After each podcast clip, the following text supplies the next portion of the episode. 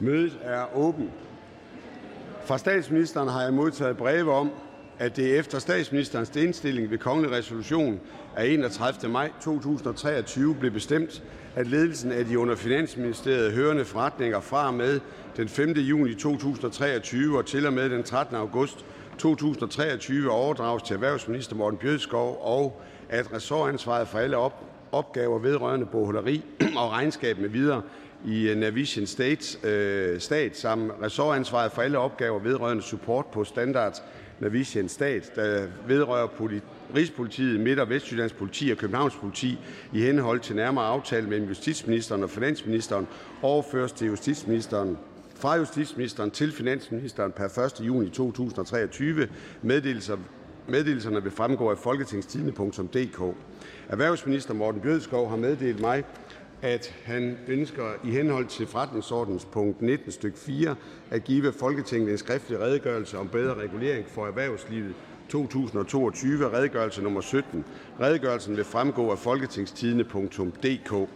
De punkter, som er opført som nummer 12, 13, 14, 34 og 46 på dagsordenen, kan kun med tingets samtykke behandles i dette møde. Hvis ingen gør indsigelse, betragter dette som givet.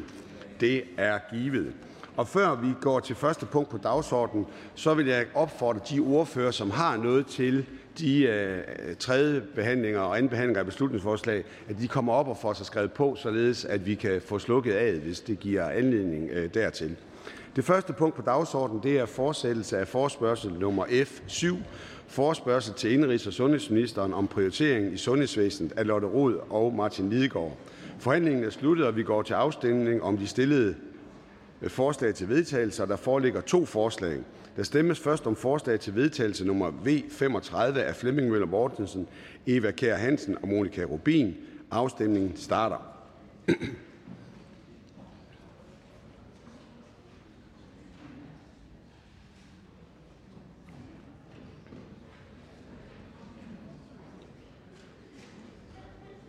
Og afstemningen slutter. For stemte 57, 50 imod, ingen hverken for eller imod. Vedtaget. Det næste punkt på dagsordenen er fortsættelse af forspørgsel. Og lige til det sidste herefter er forslag til vedtagelse nummer V 34 af Stinus Lindgren, Kirsten Norman Andersen, Jens Henrik Tusinddal, Louise Braun, Per Larsen, Peder Velblund, Mette Thiesen, Franziska Rosenkilde og Kim Edberg Andersen bortfaldet, og hermed er forespørgslen afsluttet. Det næste punkt på dagsordenen er fortsættelse af forspørgsel nummer F10, forspørgsel til Miljøministeren om regeringsplaner for natur og biodiversitet af Maj Villadsen og Søren Egge Rasmussen. Forhandlingen er sluttet, og vi går til afstemning om de stillede forslag til vedtagelse. Der foreligger to forslag. Der stemmes først om forslag til vedtagelse nummer V31 af Camilla Fabricius, Erling Bonnesen og Charlotte Bakke Hansen. Afstemningen starter.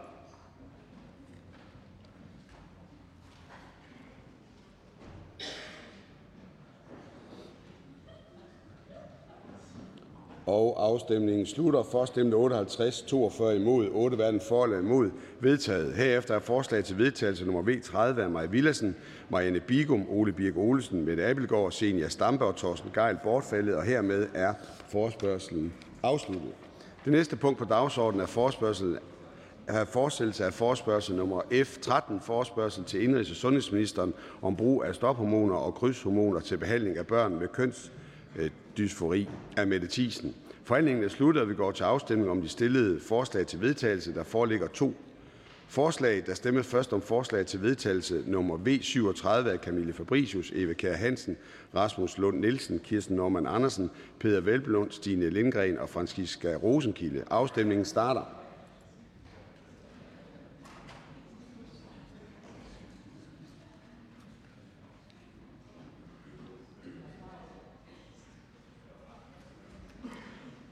For stemte 81, 27 mod, ingen hverken for eller imod.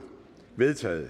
Herefter er forslag til vedtagelse nummer V36 af Mikkel Bjørn, Henrik Tusinddal, Louise Braun bortfaldet, og hermed er forspørgselen afsluttet.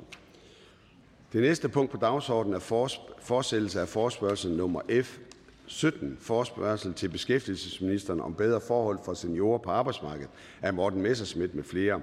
Forhandlingen er sluttet, og vi går til afstemning om de stillede forslag til vedtagelse. Der foreligger to forslag. Der stemmes først om forslag til vedtagelse nummer V 32 af Thomas Monberg, Eva Kær Hansen, Jeppe Sø, Kirsten Norman Andersen, Victoria Velasquez og Morten Messerschmidt. Afstemningen starter.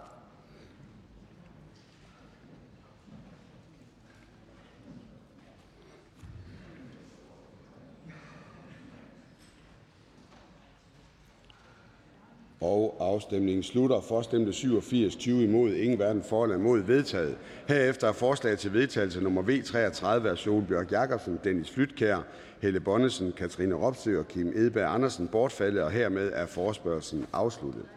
Det næste punkt på dagsordenen er tredje behandling af lovforslag nummer L 24, forslag til lov om opsigelse af dobbeltbeskatningsoverenskomst mellem Danmark og Rusland og gennemførelsen af defensive foranstaltninger mod Rusland af skatteministeren. Forhandlingen drejer sig i første omgang om de stillede ændringsforslag. Ønsker nogen at udtale sig? Da det ikke er tilfældet, er forhandlingen om ændringsforslagene sluttet, og vi går til afstemning. Hvis ikke afstemning begæres, betragter jeg ændringsforslag nummer 1 og 2 af skatteministeren som vedtaget. Det er vedtaget. Forhandlingerne drejer sig derefter om lovforslaget som helhed. Ønsker nogen at udtale sig om lovforslaget? Da det ikke er tilfældet, går vi til afstemning, og der stemmes om lovforslagets endelige vedtagelse, og afstemningen starter.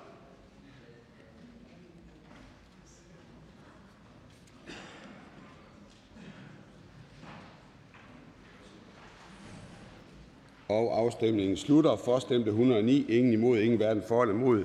Lovforslaget er vedtaget og vil nu blive sendt til statsministeren. Det næste punkt på dagsordenen er tredje behandling af lovforslag nummer L 121, forslag til lov om ændring af lov om ungdomsuddannelse for unge med særlige behov af børne- og undervisningsministeren. Der er ikke stillet ændringsforslag. Ønsker nogen at udtale sig?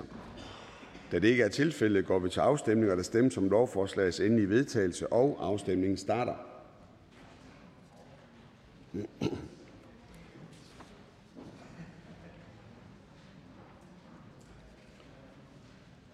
Afstemningen slutter. For stemte 108, ingen imod, ingen hverken for eller imod. Lovforslaget er vedtaget og vil nu blive sendt til statsministeren.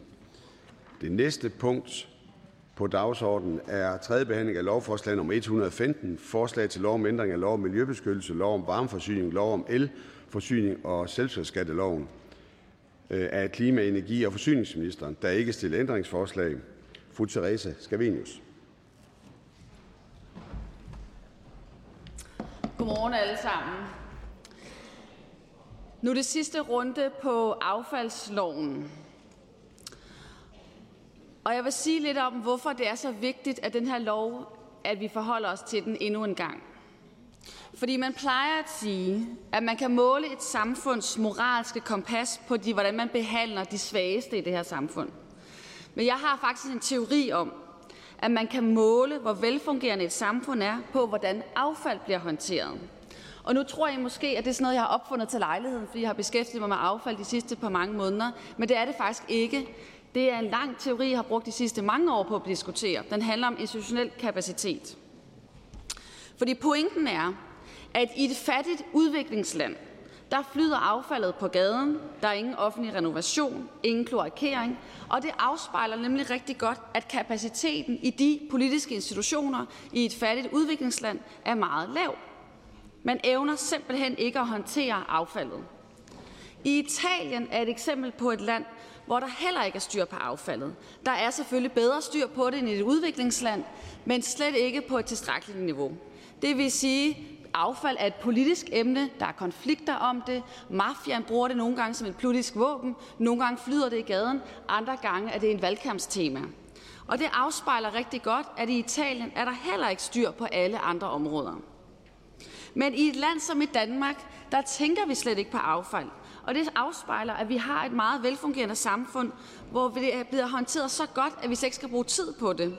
Men det vi glemmer, det er, at det er en ekstrem ressourcekrævende øvelse at have et velfungerende affaldssystem.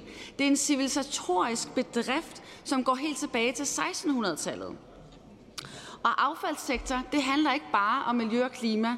Det starter faktisk med, at det handler om at undgå skadedyr, smitsomme sygdomme. Det er noget, man fra mange hundrede år siden har set som en vigtig politisk prioritet at skabe et velfungerende samfund på. Øh, med klimakrise og miljøkrise får vi endnu flere udfordringer, som affaldssektoren også skal håndtere. Derfor er det en kerneinstitution i vores samfund. Men det er her, vi som samfund begynder med at fejle. I tager alt for let på den her lovgivning, og det siger alt om, hvordan vi som samfund er begyndt med at tage alt for let på de grundlæggende institutioner, som skaber grundlaget for det her samfund. Hvorvidt vi kan håndtere vores affaldssektor på en rationel og ordentlig måde, der beskytter mod sygdomme, miljø og klima, det afspejler, om vi har et samfund med en kapacitet til at tilpasse sig, opdatere, udvikle og omorganisere os til den her nye virkelighed, vi står overfor. Og med den politiske aftale omkring affaldssektoren, så kom vi faktisk et skridt videre. Det handlede om at opdatere affaldssektoren til at afspejle en verden, der skal leve inden for planetens grænser. Men med dette lovforslag, som I skal stemme om lige om lidt, så gør vi jo det modsatte. Og det afspejler, at vi er ikke i stand til, vi har ikke kapaciteten i det her samfund længere til at organisere vores udfordringer på en rationel måde. Og ydermere frygter jeg, at I gambler med de oprindelige krav og funktioner,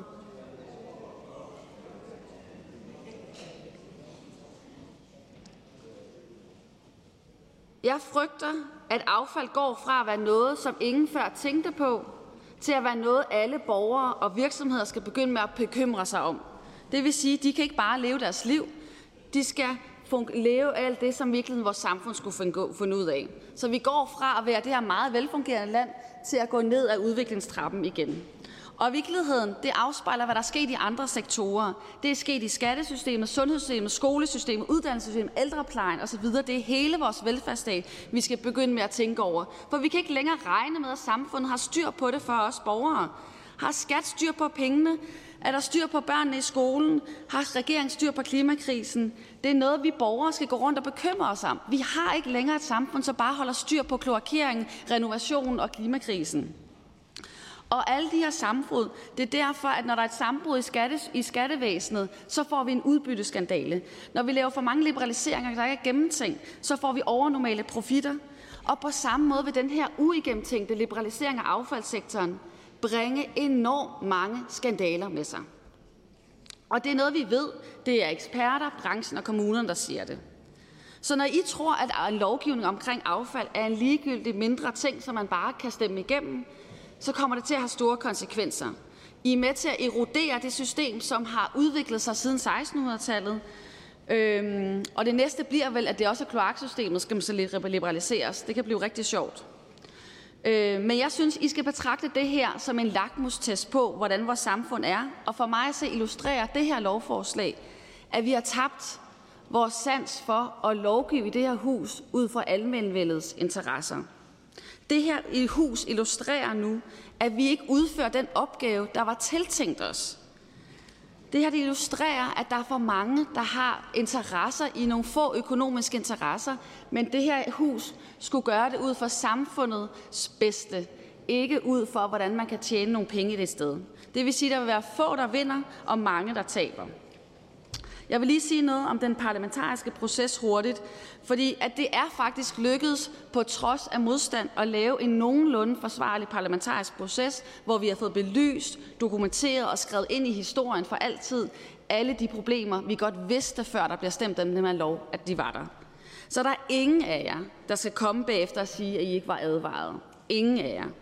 I har alle fået muligheden for at blive orienteret. Vi har holdt høringer, samråd, og vi har været fem partier, som tre gange har forsøgt at få udskudt tidsfristen for at give jer muligheden for at stemme og tænke jer om og stemme imod det her forslag. Men jeg tror desværre, at manuskriptet er skrevet. Vi ved, der kommer til at ske. I er blevet advaret, men I ignorerer det. Men det jeg også ved, det er, at jeg ved godt, at I ved, at I burde stemme imod det her lovforslag. Så mit spørgsmål er egentlig til jer. Hvor kom, hvordan kommer vi hen i en situation, hvor I kan forholde jer til, hvad der egentlig er fornuftigt, rationelt, lytte til kritikken? Hvordan kan vi få rystet det her hus, sådan at I ikke sidder helt bange og ikke bare kan stemme og høre, lytte til den kritik, der er?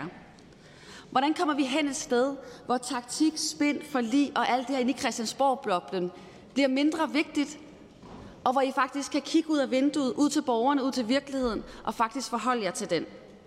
Fordi herinde er vi folkevalgte. Vi har et personligt ansvar. Vi vælger noget, som har konsekvenser for rigtig, rigtig mange mennesker. Og borgerne har ikke givet jer et mandat til at gøre en sektor mere sort. Og borgerne har heller ikke givet jer et mandat til ikke at passe på deres penge. Og det er begge ting, der sker i det her lovforslag, og det er altså ikke en retfærdig måde at gøre det på. Desværre ved jeg godt, at I allerede har besluttet jer. Jeg ved godt, at I ved, at I har fået at vide, hvad I skal stemme. Men det jeg bare vil sige til jer, det er, tror, jeg tror, I kommer til at huske det her øjeblik. Det øjeblik, hvor I fejlede. Hvor I fejlede at sige overfra for et system. Fejlede overfra at sige, jeg vidste godt, det politiske system var gået i stykker. Der var gået for meget taktik og spænd i det, men jeg kunne ikke sige fra.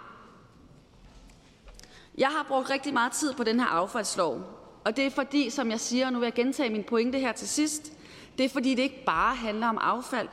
Det handler om, hvorvidt vi som samfund har et demokratisk system, som kan håndtere store politiske udfordringer og skabe et stabilt samfund for verden, som vi har udviklet gennem flere århundreder. Det skalter og valter man med lige i øjeblikket. Jeg er interesseret i at forstå, hvordan det her hus arbejder. Hvad er logikken? Hvordan arbejder ministerierne? Hvad er det for en viden, der er tilgængelig? Hvad er det for en ekspertise, man lytter til? Hvad er det for nogle interesser, der har adgang? Hvordan er det, vi opnår et samfund igen, hvor det her hus lovgiver i vel almenvældets interesse? Så jeg ser det principielle i det her lovforslag. Og derfor vil jeg en sidste gang appellere til jer og håbe på, at I har mod til at gøre det, som I godt ved er rigtigt. Tak for det. Og der er ingen... Der var en enkelt kort bemærkning. Her Peter Velblom, Enhedslisten. Værsgo. Ja, tak for det, og tak til fru øh, uh, Therese Scavenius for talen. Uh, det er jo betragtninger, som vi i Enhedslisten uh, deler langt hen ad vejen. Uh, men det var præcis også derfor, vi trak os fra aftalen. For dengang, da det viser, at vi ikke kunne lave den politisk kontrollerede uh, nedbringning af kapaciteten i affaldssektoren, var det åbenlyst, at der ville man bevæge sig ind i, i den blindgyde her, og de udfordringer, der ligger her, er jo ikke nye. De var jo velkendte allerede dengang. Så egentlig bare et spørgsmål til Alternativet. Når nu det er analysen, havde det så ikke været mere rimeligt øh, at trække sig fra aftalen, præcis som Enhedslisten gjorde dengang, da det blev indlysende, at det her det ville være der, hvor vi kom til at ende? Ordføreren? Det kunne sagtens være, at vi har gjort det. Jeg er ny her i det her hus, men jeg synes grundlæggende, den politiske aftale handler jo netop om at opdatere, har formål om at lave mere miljøvenlig og klimavenlig øh, hvad hedder det, sektor. Så jeg synes grundlæggende, at aftalen har de rigtige elementer. Spørgsmålet er, hvad er det for nogle virkemidler, man bruger?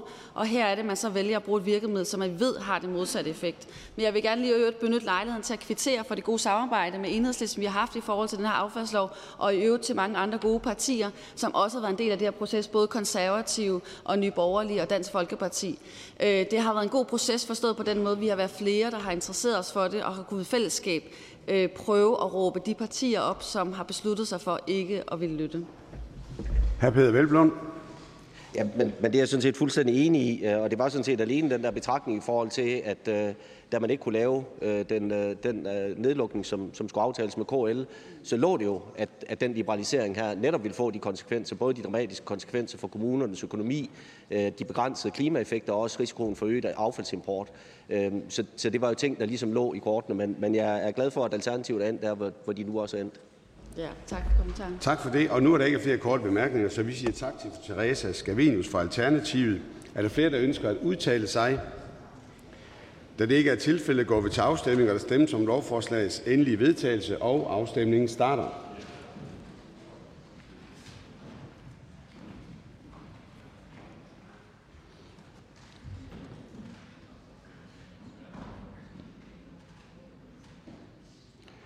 Afstemningen slutter. For stemte 80, 20 imod, 8 hverken for eller imod. Lovforslaget er vedtaget og vil nu blive sendt til statsministeren. Det næste punkt på dagsordenen er tredje behandling af lovforslag nummer L 128, forslag til lov om ændring af lov om en aktiv beskæftigelsesindsats, lov om sygedagpenge og barselsloven af beskæftigelsesministeren. Der er ikke stillet ændringsforslag. Ønsker nogen at udtale sig? Da det ikke er tilfældet, går vi til afstemning, og der stemmes om lovforslagets endelige vedtagelse, og afstemningen starter.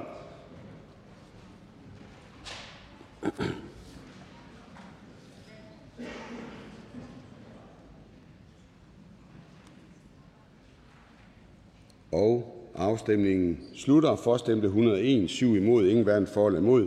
Lovforslaget er vedtaget og vil nu blive sendt til statsministeren. Det næste punkt på dagsordenen er tredje behandling af lovforslag nummer L 129. Forslag til lov om ændring af lov om en aktiv beskæftigelsesindsats, lov om, om organisering og understøttelse af beskæftigelsesindsatsen med videre, lov om arbejdsløshedsforsikring med videre, lov om aktiv socialpolitik. af beskæftigelsesministeren. Der er ikke stillet ændringsforslag. Ønsker nogen at udtale sig? Da det ikke er tilfældet, går vi til afstemning, og der stemmes om lovforslagets endelige vedtagelse, og afstemningen starter.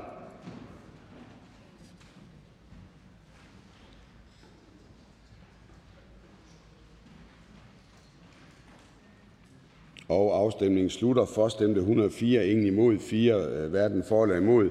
Lovforslaget er vedtaget og vil nu blive sendt til statsministeren. Det næste punkt på dagsordenen er tredje behandling af lovforslag nummer L 126, forslag til lov om ændring af lov om øh, likviditetslån med videre i forbindelse med indfrysningsordninger for høje energiregninger og til energiintensive virksomheder med videre. Erhvervsministeren. Der er ikke stillet ændringsforslag. Ønsker nogen at udtale sig? Da det ikke er tilfældet, går vi til afstemning, og der stemmes om lovforslagets endelige vedtagelse, og afstemningen starter.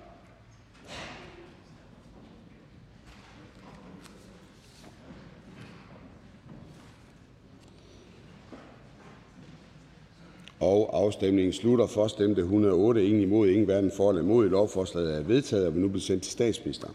Det næste punkt på dagsordenen er tredje behandling af lovforslag nummer L 127. Forslag til lov om ændring af investeringsscreeningsloven og lov om klagenævnet for udbud af erhvervsministeren. Der ikke stillet ændringsforslag. Ønsker nogen at udtale sig? Da det ikke er tilfældet, går vi til afstemning, og der stemmes om lovforslagets endelige vedtagelse. Afstemningen starter.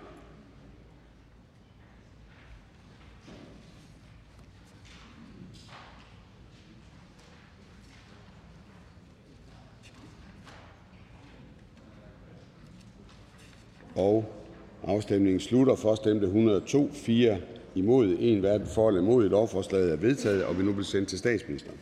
Det næste punkt på dagsordenen er tredje behandling af lovforslag nummer L 93, forslag til barnets lov. Der er ikke stillet ændringsforslag. Ønsker nogen at udtale sig? Da det ikke er tilfældet, går vi til afstemning, og der stemmes om lovforslagets endelige vedtagelse, og afstemningen starter.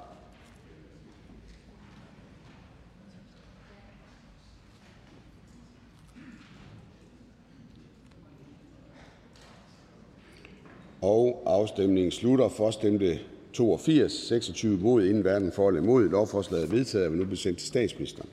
Det næste punkt på dagsordenen er tredje behandling af lovforslag nummer L 94, forslag til lov om ændring af lov om social service, lov om retssikkerhed og administration på det sociale område og forskellige andre love af social- og boligministeren. Der er ikke stillet ændringsforslag. Ønsker nogen at udtale sig? Da det ikke er tilfældet, går vi til afstemning, og der stemmes om lovforslagets endelige vedtagelse. Afstemningen starter.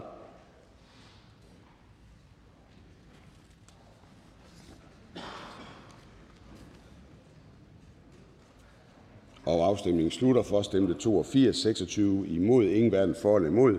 Lovforslaget er vedtaget og vil nu blive sendt til statsministeren. Det næste punkt på dagsordenen er tredje behandling af lovforslag nummer L 95, forslag til lov om ændring af lov om retssikkerhed og administration på det sociale område, lov om social service og forskellige andre love af social- og boligministeren. Forhandlingen drejer sig i første omgang om det stillede ændringsforslag. Ønsker nogen at udtale sig?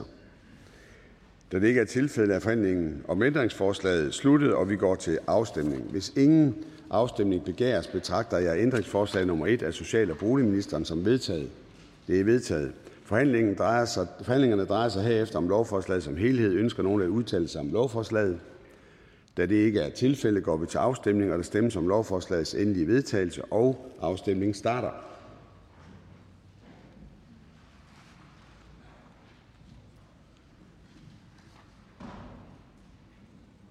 Afstemningen slutter. For stemte 95, 13 imod, ingen hverken for eller imod. Lovforslaget er vedtaget og vil nu blive sendt til statsministeren. Det næste punkt på dagsordenen er tredje behandling af lovforslag nummer L 103, forslag til lov om ændring af sundhedsloven og lov om autorisation af sundhedspersoner og om sundhedsfaglig virksomhed af indrigs- og sundhedsministeren. Der er ikke stillet ændringsforslag. Ønsker nogen at udtale sig? Da det ikke er tilfældet, går vi til afstemning, og der stemmes om lovforslagets endelige vedtagelse, og, lovfor, øh, og afstemningen starter.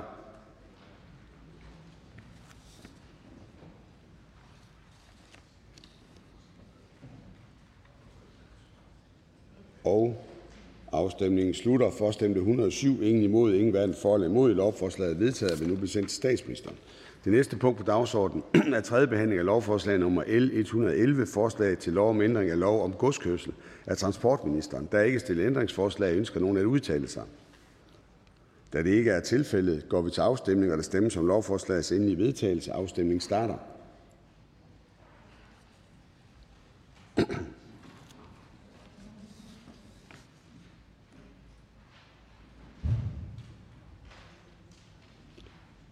Afstemningen slutter. For stemte 105 imod, ingen hverken for eller imod. Lovforslaget er vedtaget og vil nu blive sendt til statsministeren.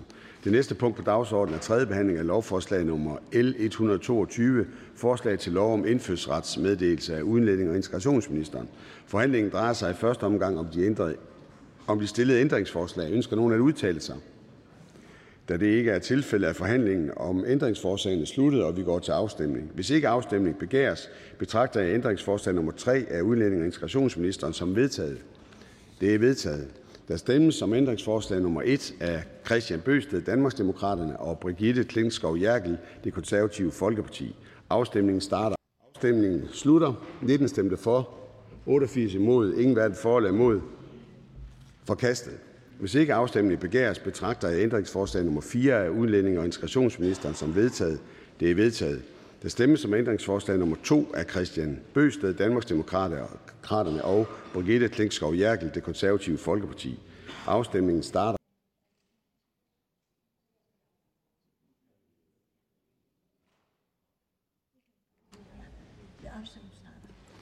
Og vi prøver igen. Afstemningen starter.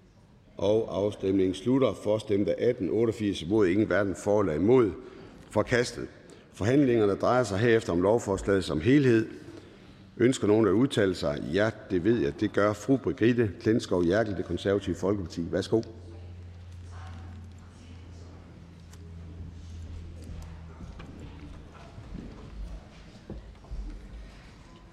Mange tak, formand.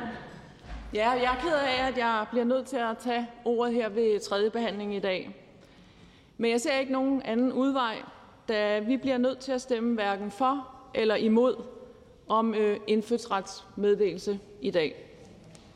Det er jo sådan, at øh, vi har aftalt i forbindelse med den politiske aftale på indfødsretsområdet, at der skal screenes for kriminalitet ved ansøgning om dansk pas. Det blev kaldt et supplerende systematisk kriminalitetstjek. Nu viser det sig i midlertid, at indfødsretskontoret, som hører under udlændinge- og integrationsministerens ministerium, bare har valgt at se stort på den gældende lovgivning og helt har droppet at gennemføre de aftalte kriminalitetstjek. Og hvad værre er, det har stået på i mere end to år. Et af de absolut mest grundlæggende krav er selvfølgelig, at man skal være villig til at overholde loven, før et statsborgerskab overhovedet kan komme på tale. Alligevel er det netop det krav, man har sjoflet i mere end to år. Det er simpelthen uansvarligt. Og jeg må også sige, at når sådan en skandale kommer frem, og der kan være administreret i overensstemmelse med vores politiske aftaler, så længe som er tilfældet her, så har jeg brug for at få genrejst tilliden til ministeren, og at der administreres efter vores aftale på området. Og især have fuld vidsthed om, at ingen kriminelle udlændinge kan få dansk statsborgerskab. Tak for ordet. Tak for det. Og der en enkelt kort bemærkning? Fru Mette Thiesen, Dansk Folkeparti. Værsgo. Jeg vil bare sige tak til det konservative Folkeparti for at, øh, at rykke på det her øh, og stå fast ved, at, øh, at der selvfølgelig ikke skal være kriminelle udlændinge, øh, der får dansk statsborgerskab. Øh, så jeg synes, det er et kæmpestort skridt i den øh, rigtige retning, at øh, konservative nu stemmer gult til den her indfødsretslov, hvor man øh, masseuddeler en masse statsborgerskaber. Jeg så selvfølgelig hellere, at man havde stemt rødt, men jeg synes, det er et skridt i den rigtige retning, og jeg er bare fuldstændig enig med ordføreren i, at man selvfølgelig ikke kan sidde overhørig, at der har været den her praksis, øh, hvor man så lemfældigt har tilgået det allervigtigste, man overhovedet kan give øh, her fra det danske Folketing. Så bare en, en kæmpe kado og stort tak til det konservative Folkeparti. Ordføreren? Ja, tak. Øh, jamen, jeg vil sige, for os øh, har det været vigtigt øh, ligesom at sætte foden ned her, øh, fordi det på ingen måde er i orden, at øh, der ikke er blevet handlet efter den politiske aftale, vi har indgået om, at det her kriminalitetstjek skal, skal foretages. Øh, og derfor så øh, sætter vi foden ned i dag og siger, jamen øh, så kan vi ikke øh, andet end hverken stemme for eller imod, øh, og derfor vælger vi så øh, at stemme gult til aftalen i dag. Fru Mette Thiesen for anden kort bemærkning. Det var ikke flere, der er ikke flere korte bemærkninger, så vi siger tak til fru Brigitte Klintskov Jerkel fra det konservative Folkeparti. Er der andre, der ønsker at udtale sig? Det var der. Hr. Mikkel Bjørn, Dansk Folkeparti. Værsgo. Jamen, jeg vil indledningsvis gerne benytte lejligheden til at, at rose det konservative Folkeparti for at være, øh, være principfaste i det her spørgsmål. Fordi at der er jo en bred række af partier, en bred palette af partier her i Folketinget, der offentligt og udadtil meget gerne ytrer det synspunkt, at kriminelle selvfølgelig ikke skal have dansk statsborgerskab. Og alligevel så stemmer vi her i Folketingssalen gang på gang kriminelle igennem til dansk statsborgerskab, og nu er det så kommet frem, at ministeriet slet ikke har undersøgt de ansøgere, der er på lovforslagene om kriminalitet i, det, i den grad, som det er aftalt mellem Folketingets partier. Det er selvfølgelig dybt kritisabelt, og derfor så håber jeg, der er indskærpende, at der er andre partier her i Folketinget i dag, der vælger at gøre det samme som det konservative Folkeparti og stemme gult. Man kunne håbe, at blandt andet Danmarksdemokraterne valgte at gøre det samme. Det er også et parti, der meget ofte går ud og markerer sig i udlændingedagsordenen. Man kunne håbe, at regeringspartierne eventuelt vågnede op og så, at det her det skal selvfølgelig ikke stemmes igennem, før vi er helt og aldeles sikre på, at der ikke er nogen kriminelle, der stemmes igennem til dansk statsborgerskab, hvis vi trykker på den grønne knap i dag. Fordi det er det, der sker. Trykker man på den grønne knap lige om lidt, så er der kriminelle mennesker, der får dansk statsborgerskab. Det kan vi selvfølgelig ikke bakke op om i Dansk Folkeparti, og derfor så håber jeg, at folk stemmer enten gult eller rødt. Tak for Fru Pia Kjærsgaard, Dansk Folkeparti. Værsgo. Jeg vil godt lige have lov tak og spørge hr. Mikkel Bjørn, om ikke det vil være rimeligt i så vigtig en sag, øh, som nu øh, det konservative Folkeparti gjorde, gik på talerstolen og markerede, hvor man står. Fordi øh, hr. Mikkel Bjørn har jo fuldstændig ret i, at øh, der er partier herinde, blandt andet Danmarksdemokraterne, som øh, udadtil siger, at øh, de er meget, meget stramme i forhold til de her ting. Jeg er lidt i tvivl. Jeg kan se, der foregår sådan lidt øh, snak rundt omkring på, på Danmarksdemokraternes bænke. Men jeg synes jo, det er deroppe fra, at øh, man markerer, hvad det egentlig er, man gør. Så øh, kunne man ikke også fra hr. Mikkel Bjørn, Dansk Folkeparti, få en øh, opfordring til, at man lige går op og fortæller hele omverdenen, hvor langt man er kommet i det her? Ordføreren? Jeg vil opfordre alle Folketingets partier til at komme herop på talerstolen og forsvare det synspunkt, at der er kriminelle mennesker, der skal have dansk statsborgerskab. Jeg tror, det bliver svært at forsvare. Tak for Tak for det. Er der ikke flere korte bemærkninger? Vi siger tak til hr. Mikkel Bjørn fra Dansk Folkeparti. Er der andre, der ønsker at udtale sig? Da det ikke er tilfældet, går vi til afstemning. Og der stemmes om lovforslagets endelige vedtagelse, og afstemningen starter. Og afstemningen slutter. For stemte 87, 5 imod, 14 hverken for eller imod lovforslaget er vedtaget og vil nu blive sendt til statsministeren. Det næste punkt på dagsordenen er anden behandling af beslutningsforslag nummer B 31, forslag til folketingsbeslutning om at forbyde offentligt ansatte at bære islamistiske tørklæder i, i, øh, i øh, arbejdstiden af Pia Kjærsgaard med flere. Der er ikke stillet ændringsforslag. Ønsker nogen at udtale sig? Da det ikke er tilfældet, går vi til afstemning, og der stemmes om forslagets endelige vedtagelse. Afstemningen starter.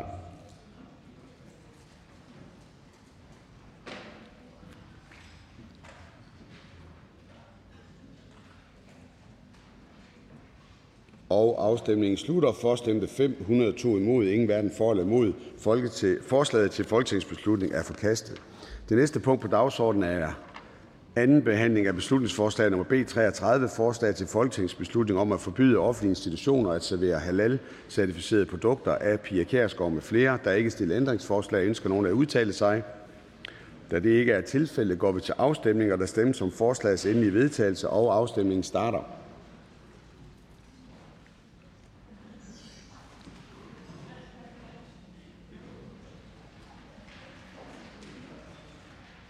og Afstemningen slutter. For stemte 503 imod, ingen hverken for eller imod. Forslaget til folketingsbeslutning er forkastet. Det næste punkt på dagsordenen er: anden behandling af beslutningsforslag nummer B 37: Forslag til folketingsbeslutning om udvisning af kriminelle udlændinge efter første dom. Af Peter Sejer Christensen med flere. Der er ikke stillet ændringsforslag. Ønsker nogen at udtale sig? Da det ikke er tilfælde, går vi til afstemning. og Der stemmes om forslagets endelige vedtagelse. og Afstemningen starter.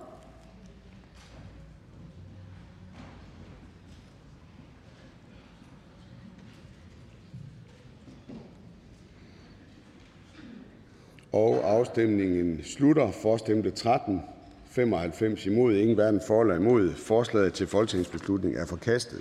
Det næste punkt på dagsordenen er anden behandling af beslutningsforslag nummer B 50. Forslag til folketingsbeslutning om smidige regler for permanent opholdstilladelse for unge under uddannelse af Christian Friis Bak med flere. Der er ikke stillet ændringsforslag. Ønsker nogen at udtale sig? Da det ikke er tilfældet, går vi til afstemning, og der stemmes som forslagets endelige vedtagelse. Afstemningen starter.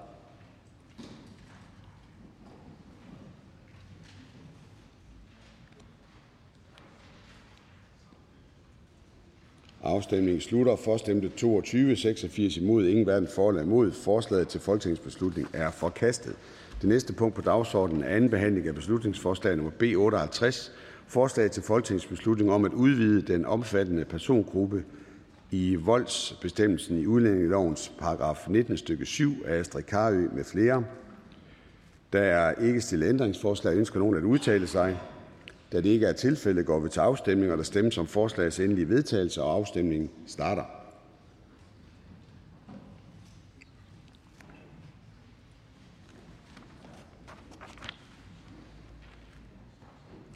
Afstemningen slutter. For stemte 31, 77 imod, ingen hverken for eller imod.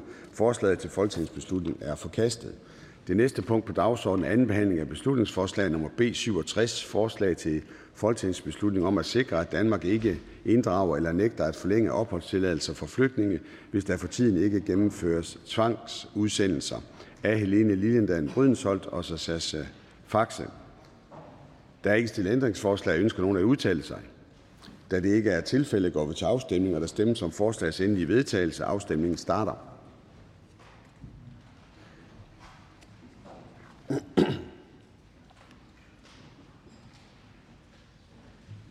Afstemningen slutter. For stemte 22, 86 imod, ingen hverken for eller imod. Forslaget til folketingsbeslutning er forkastet.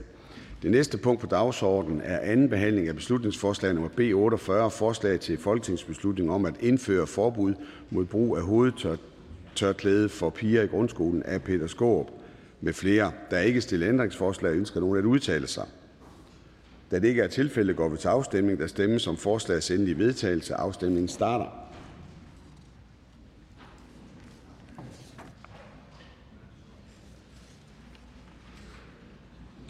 Og afstemningen slutter. For stemte 12, 89 imod, 6 hverken for eller imod. Forslaget til folketingsbeslutning er forkastet. Det næste punkt på dagsordenen er anden behandling af beslutningsforslag nummer B 49. Forslag til folketingsbeslutning om adskillelse af asylpar i asylsystemet, når mindst den ene ægtefælle er under 18 år af Pia Kjærsgaard med flere. Og jeg giver nu ordet til ordføreren for forslagstillerne, fru Pia Kjærsgaard, Dansk Folkeparti. Værsgo. Tak for det. Mm. En ung pige kommer her til Danmark som asylsøger. Hun er 17 år gammel. Men trods hendes unge alder har hun to børn. En på fire, en på tre og endnu en på vej. 17 år gammel og snart mor til tre. Absurd. Hun bliver altså gravid første gang som 12-årig. Hendes mand er 29 år, da han kommer her sammen med pigen. Så han gjorde hende gravid, da han var 24 år. Hun var 12 år. 12 år. Hvornår og om de er blevet gift, det ved man ikke noget om. Hvornår de havde sex første gang, det vides ikke. Måske var hun 10, hvor han var 22. Men vi kan i hvert fald konkludere, at var det sket i Danmark, at man som 22-årig havde sex med en 10-årig, ja, så var man blevet dømt for det. Dømt for at være pædofil. Og man fik ikke lov at opretholde et sådan familieliv. Men når man kommer hertil som udlænding fra tilbagestående lande, og det må man konkludere, det er, når man som 24-årig kan gøre en 12-årig gravid, så tillader vi som land, at det ægteskab eller samliv, de to havde, før de kom hertil, kan opretholdes. Ingen politikere vil sige højt, at de finder sådan et forhold ret og rimeligt. Men internationale konventioner tilsiger, at det skal vi acceptere. Hvis hensynet til familiens enhed tilsiger, at de skal indkvarteres sammen, ja, så bliver de boende sammen. Altså hvis den pædofile har været så heldig at gøre barnet gravid, så skal de indkvarteres sammen. I andre tilfælde bliver de først adskilt, og der individuelt bliver vurderet, om de begge ønsker at fortsætte med at være sammen. Men hvem tror på, at når man som helt ung bliver præsenteret for et fremtidigt ægteskab med fætter Ali, familiens ære er på spil, forventningerne til ægteskabet fra familien, for familien vejer tungest, brudeafgiften er betalt, og man ikke selv kender til andet liv end det med den ældre pædofile fætter Ali. Tror man så på, at det svar, man får fra sådan en ung pige, er det svar, der kan være andet? Ja, jeg vil gerne bo sammen med ham. Det er rent Stockholm-syndrom. Vi må ikke i de her forløb underkende den kulturelle, religiøse og familiære forventning, der er til pigen om, at selvfølgelig skal så et ægteskab fortsætte. For har man reelt andet valg end at sige ja til at lade, den ene, til at lade det eneste liv, man kender, fortsætte, også selvom en velmenende sagsbehandler forsøger sig med individuel sagsbehandling af, om pigen reelt ønsker at fortsætte dette ægteskab med den pædofile mand. Præcis eksemplet, som jeg her lige har skitseret, er baggrunden for, at Dansk Folkeparti har stillet dette beslutningsforslag. Og det er uanset, hvordan det er kommet i stand. For vi vil ikke acceptere at støtte op om islamiske kulturelle og religiøse sædvaner om, at pædofile mænd kan gifte sig med små piger og gøre dem gravide. Og så er det en familie, også i dansk forstand. Indholdet i det her forslag baserer sig jo på den såkaldte barnebrudssag, Instrukskommissionen, hvor ministeren blev idømt to måneders fængsel med fodlænke for at have tilladt at adskille alle parerne, hvor den ene eller begge var under 18 år. Og nu må jeg så bare sige, at under afslutningsdebatten bemærkede jeg sad selv i salen, at Morten Messerschmidt stillede fru Inger Støjberg spørgsmålet, hvorfor i alverden man ikke fra Danmarksdemokraterne kunne stemme for det her forslag, som vi havde stillet. Og jeg oplevede desværre, nu er fru Inger Støjberg her ikke, men måske kan gruppeformanden øh, svare på det, komme herop og tage nogle korte bemærkninger, eller måske en hel ordførertale. Øh, jeg taler til gruppeformanden.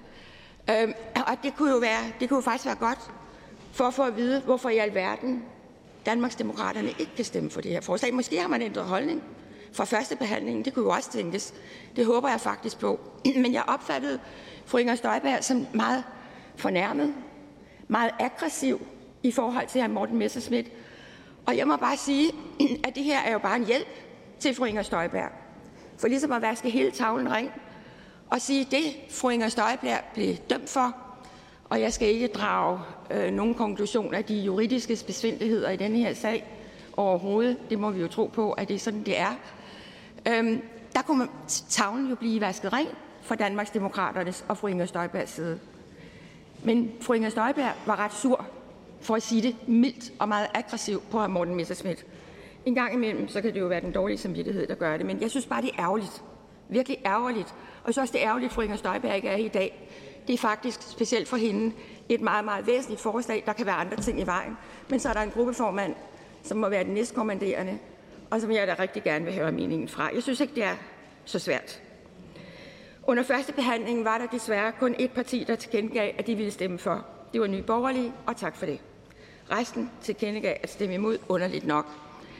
Det er så mit håb, at der siden første behandlingen er kommet flere partier til, som heller ikke mener, at vi som samfund skal tillade, at en voksen mand bor sammen med en mindreårig. Bliver gravid som 12-årig, formentlig har haft sex lang tid før, det kan vi ikke vide, men i hvert fald gravid som 12-årig. Det er grotesk. Den her sag er grotesk i alle henseender. Og der er ikke nogen folketingsmedlemmer, der kan gå herop og forsvare det overhovedet, andet end et hensyn til de internationale konventioner. Og der vægter det altså højere for Dansk Folkeparti pigernes, som man siger, børnenes tag, og ikke de internationale konventioner. Og specielt ikke for et parti, som i den grad har været bannerfører for, at det her skulle være på en anden måde. Men jeg er spændt på afstemningen. Jeg appellerer meget til, at øh, man tager en anden holdning end den, som blev taget ved første behandling. Tak. Tak for det. Er der ingen korte bemærkninger? Vi siger tak til ordføreren for forslagsstillerne, fru Pia Kjærsgaard, Dansk Folkeparti. Er der andre, der ønsker at udtale sig? Da det ikke er tilfældet, går vi til afstemning, og der stemmes om forslagets endelige vedtagelse, og afstemningen starter.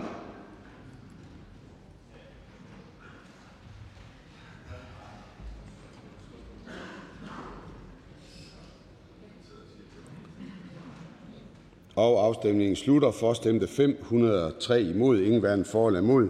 Forslaget til folketingsbeslutning er forkastet. Det næste punkt på dagsordenen er: anden behandling af beslutningsforslag nummer B 51: Forslag til folketingsbeslutning om at forbyde muligheden for at opdele svømmehaller på baggrund af køn. Af Pia Kjærsgaard med flere. Der er ikke stillet ændringsforslag. Ønsker nogen at udtale sig? Da det ikke er tilfældet, går vi til afstemning. og Der stemmes om forslagets endelige vedtagelse. Afstemningen starter.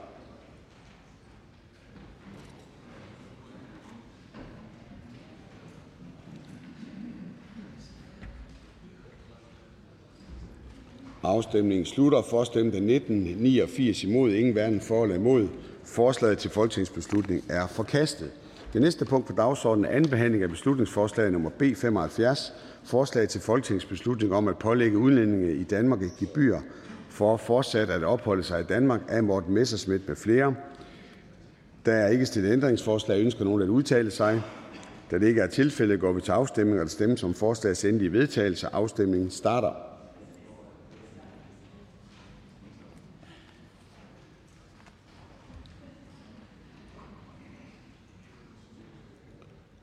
Afstemningen slutter. For stemte 402 imod. Ingen hverken for eller imod. Forslaget til folketingsbeslutning er forkastet. Det næste punkt på dagsordenen er: anden behandling af beslutningsforslag nummer B 85: Forslag til folketingsbeslutning om udarbejdelse af en rapport vedrørende indvandringens konsekvenser. Af Morten Messerschmidt med flere. Der er ikke stillet ændringsforslag. Ønsker nogen at udtale sig? Da det ikke er tilfældet, går vi til afstemning. og Der stemmes om forslagets endelige vedtagelse. Afstemningen starter.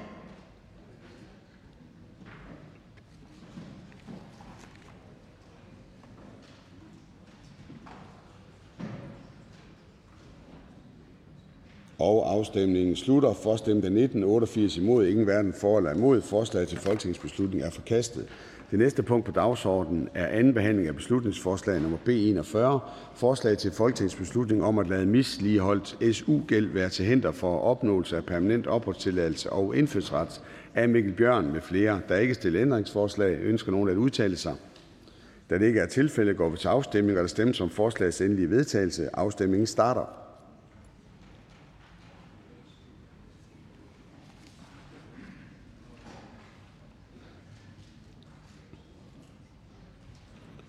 Afstemningen slutter. For stemte 13 88 imod, 6 hverken for eller imod. Forslaget til folketingsbeslutning er forkastet. Det næste punkt på dagsordenen er: anden behandling af beslutningsforslag nummer B 77: Forslag til folketingsbeslutning om demokratisering af støtten til NGO'er og større gennemsigtighed i finanslovsbevillinger. Af Mikkel Bjørn med flere. Der ikke stiller ændringsforslag. Ønsker nogen at udtale sig? Da det ikke er tilfældet, går vi til afstemning. og Der stemmes om forslagets endelige vedtagelse. Afstemningen starter.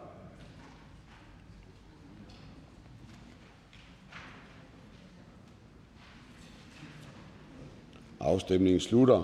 For stemte 503 imod. Ingen hverken for eller imod. Forslaget til folketingsbeslutning er forkastet.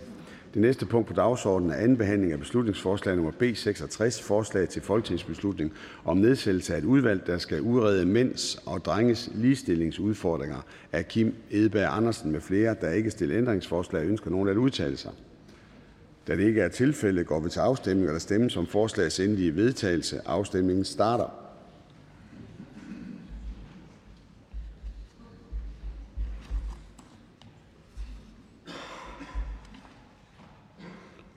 Afstemningen slutter. For stemte 40 67 imod. Ingen hverken for eller imod. Forslaget til folketingsbeslutning er forkastet. Det næste punkt på dagsordenen er: anden behandling af beslutningsforslag nummer B 92: Forslag til folketingsbeslutning om afskaffelse af måltal og politik for kønssammensætningen i ledelser og bestyrelser. Af Solbjørg Jacobsen med flere. Der ikke stiller ændringsforslag. Ønsker nogen at udtale sig? Da det ikke er tilfældet, går vi til afstemning. og Der stemmes om forslagets endelige vedtagelse. Afstemningen starter.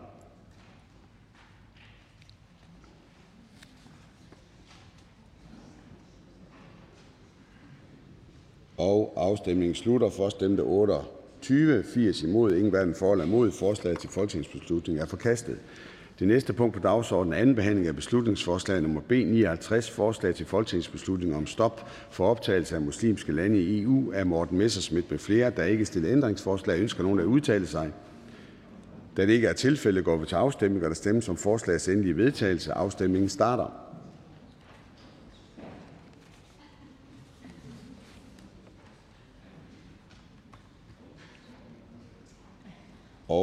Afstemningen slutter. For stemte 5, 94 imod, 8 hverken for eller imod. Forslaget til folketingsbeslutning er forkastet. Det næste punkt på dagsordenen er anden behandling af beslutningsforslag nummer B 61, forslag til folketingsbeslutning om at ophæve indkomst, indkomstgrænsen for, hvor meget studerende må tjene ved siden af deres SU, af Malene Harpsø med flere. Der er ikke stillet ændringsforslag. Ønsker nogen at udtale sig? Da det ikke er tilfældet, går vi til afstemning. Og der stemmes om forslagets endelige vedtagelse. Afstemningen starter.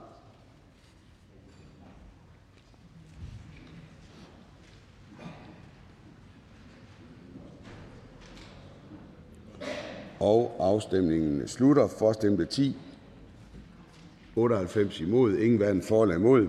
Forslaget til folketingsbeslutning er forkastet. Det næste punkt på dagsordenen er anden behandling af beslutningsforslag nummer B 16, forslag til folketingsbeslutning om varig bevilling til Klimarådets understøttelse af klimaloven af Maj Villadsen, Lisbeth Bæk Nielsen, Samia Narva med flere. Der er ikke stillet ændringsforslag. Ønsker nogen at udtale sig? Da det ikke er tilfældet, går vi til afstemning, og der stemmes om forslagets endelige vedtagelse, og afstemningen starter.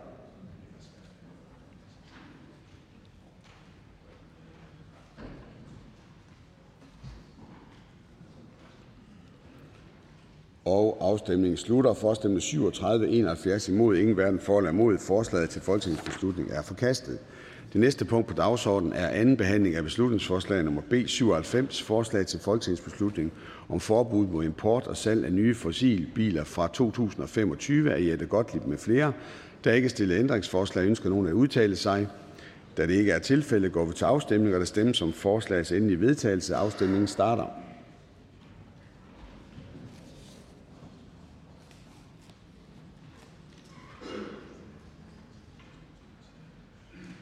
Afstemningen slutter. For stemte 18 86 imod, 4 hverken for eller imod. Forslaget øh, til folketingsbeslutning er forkastet.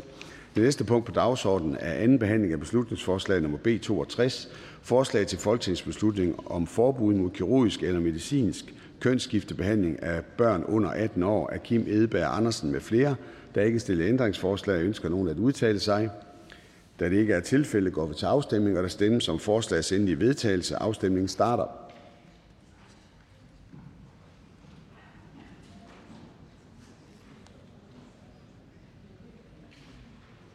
Afstemningen slutter. For stemte 28, 80 imod, ingen hverken for eller imod. Forslaget til folketingsbeslutning er forkastet. Det næste punkt på dagsordenen er: anden behandling af beslutningsforslag nummer B 79: Forslag til folketingsbeslutning om evaluering af de menneskelige konsekvenser ved indsatsen mod covid-19. Af Louise Brown med flere. Der er ikke stillet ændringsforslag. Ønsker nogen at udtale sig? Da det ikke er tilfældet, går vi til afstemning. og Der stemmes om forslagets endelige vedtagelse. Afstemningen starter.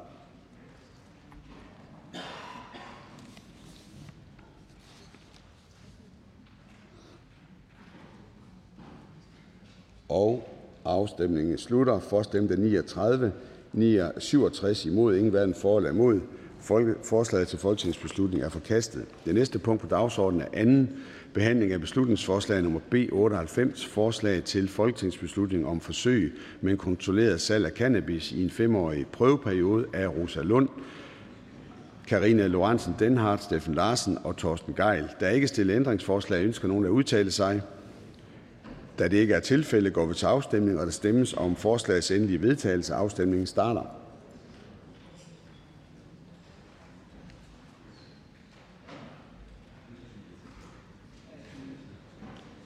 Afstemningen slutter. For stemte 31, 76 imod, ingen hverken for eller imod. Forslaget til folketingsbeslutning er forkastet. Det næste punkt på dagsordenen er: anden behandling af beslutningsforslag nummer B 29: Forslag til folketingsbeslutning om, at kun danske statsborgere skal kunne stemme til danske valg. Af Nick Zimmermann med flere. Der er ikke stillet ændringsforslag. Ønsker nogen at udtale sig? Da det ikke er tilfældet, går vi til afstemning. og Der stemmes om forslagets endelige vedtagelse. Afstemningen starter.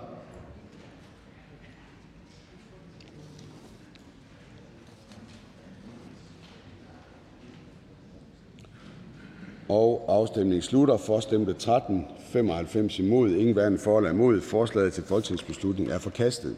Det næste punkt på dagsordenen er: anden behandling af beslutningsforslag nummer B 94: Forslag til folketingsbeslutning om at ophæve arealreservationerne i den sydlige del af Ring 5-transportkorridoren og opgive planen om en Ring 5-motorvej. Af Brigitte Klintskov Jerkel, Sofie Lippert, Susie Jessen, Trine Pertou Mark, Zenia Stampe og Sascha Faxe med flere.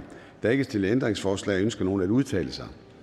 Da det ikke er tilfældet, går går vi til øh, afstemning, og der stemmes om forslagets endelige vedtagelse, og afstemningen starter.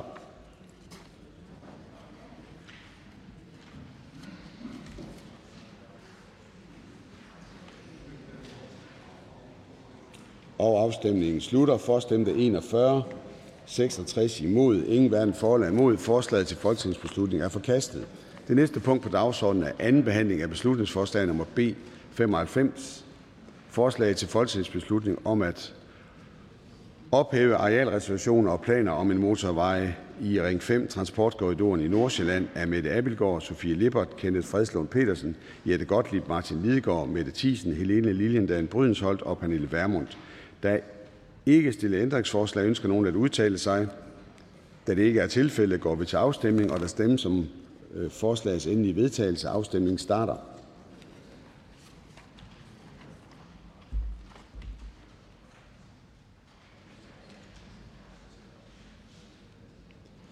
Afstemningen slutter. For stemte 41, 66 imod, ingen hverken for eller imod. Forslaget til folketingsbeslutning er forkastet.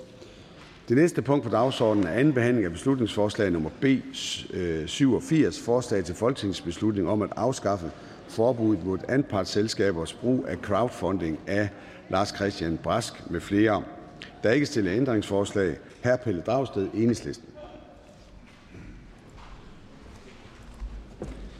Nu vil der ske noget så sjældent, som at jeg vil rose Liberal Alliance.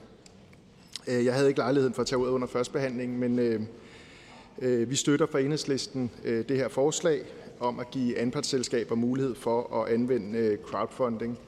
Det har været et ønske længe for iværksættermiljøet at få den her mulighed for at hente kapital, og det er også en måde at give helt almindelige mennesker en mulighed for at blive medejer og dermed både få afkast og eventuel indflydelse på, på fremtidens selskaber. Så det er sådan en slags moderne andelsbevægelse, og det kan vi kun øh, støtte op om. Det er noget, vi øh, længe har ønsket øh, i enhedslisten, også blandt andet inspireret af Storbritanniens såkaldte community bonds.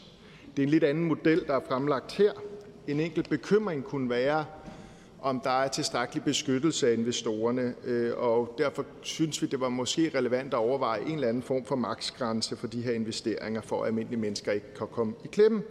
Men den slags kan man jo tage, når regeringen skal behandle øh, lovforslaget, hvis det bliver stemt igennem. Og derfor bakker vi op om forslaget og stemmer for hensigten og indholdet, øh, på trods af den bekymring. Øh, en tak til øh, Michael Eis og andre gode øh, iværksættere, der i mange år har arbejdet for Øh, at udbrede crowdfunding som en vej til at hente kapital i, i Danmark. Og også igen tak til Liberal Alliance for at gribe bolden. Så det er en god måde at ende folketingsåret som erhvervsordfører ved at sende et stærkt signal til Danmarks øh, små selvstændige og iværksættere om, at vi nogle gange kan stå sammen på tværs af Folketinget. Øh, og det synes jeg er en god start på de iværksætterforhandlinger, som forhåbentlig snart bliver indkaldt fra erhvervsministeren. Tak for ordet. Tak for det, og der er ingen korte bemærkninger. Vi siger tak til hr. Pelle Dragsted fra Enhedslisten. Jeg skal spørge, om der er andre, der ønsker at udtale sig. Da det ikke er tilfældet, går vi til afstemning, og der stemmes om forslagets endelige vedtagelse. Afstemningen starter.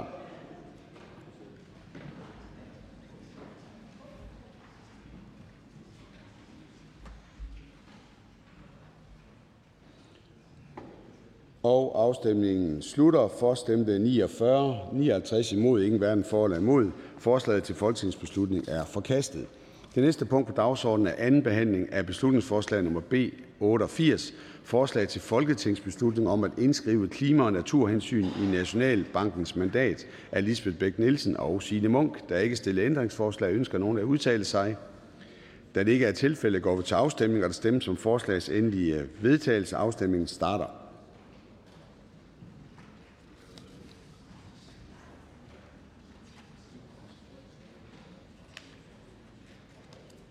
Afstemningen slutter. For stemte 18, 90 imod. Ingen hverken for eller imod. Forslaget til folketingsbeslutning er forkastet. Det næste punkt på dagsordenen er anden behandling af beslutningsforslag nummer B 89. Forslag til folketingsbeslutning om at tilføje et klimamandat til Finanstilsynets formål af Lisbeth Bæk Nielsen og Signe Munk. Der er ikke stillet ændringsforslag. Ønsker nogen at udtale sig? Da det ikke er tilfælde, går vi til afstemning. Der stemmes om forslagets endelige vedtagelse. Afstemningen starter.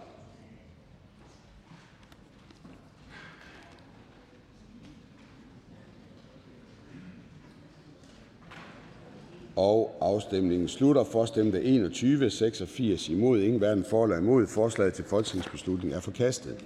Det næste punkt på dagsordenen er anden behandling af beslutningsforslag nummer B 18.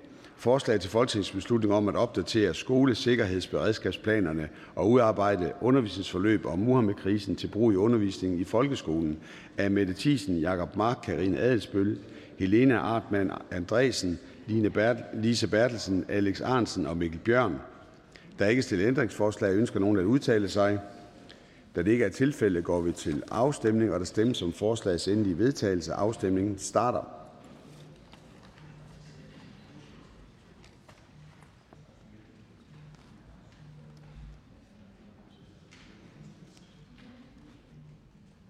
Og Afstemningen slutter. For stemte 36, 68 imod, 4 hverken for eller imod.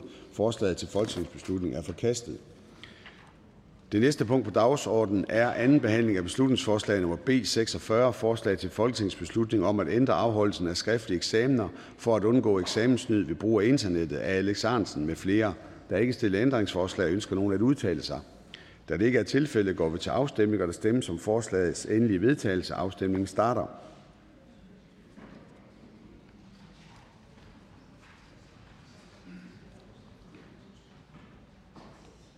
Afstemningen slutter. For stemte 404 imod, ingen hverken for eller imod. Forslaget til folketingsbeslutning er forkastet. Det næste punkt på dagsordenen er anden behandling af beslutningsforslag nummer B 60, forslag til folketingsbeslutning om en ny karakterskala i uddannelsessystemet af Astrid Karø med flere. Der er ikke stillet ændringsforslag. Ønsker nogen at udtale sig?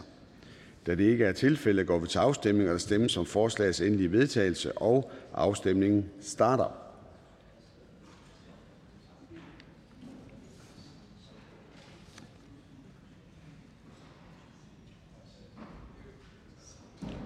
Afstemningen slutter. For stemte 42 57 imod, 8 hverken for eller imod.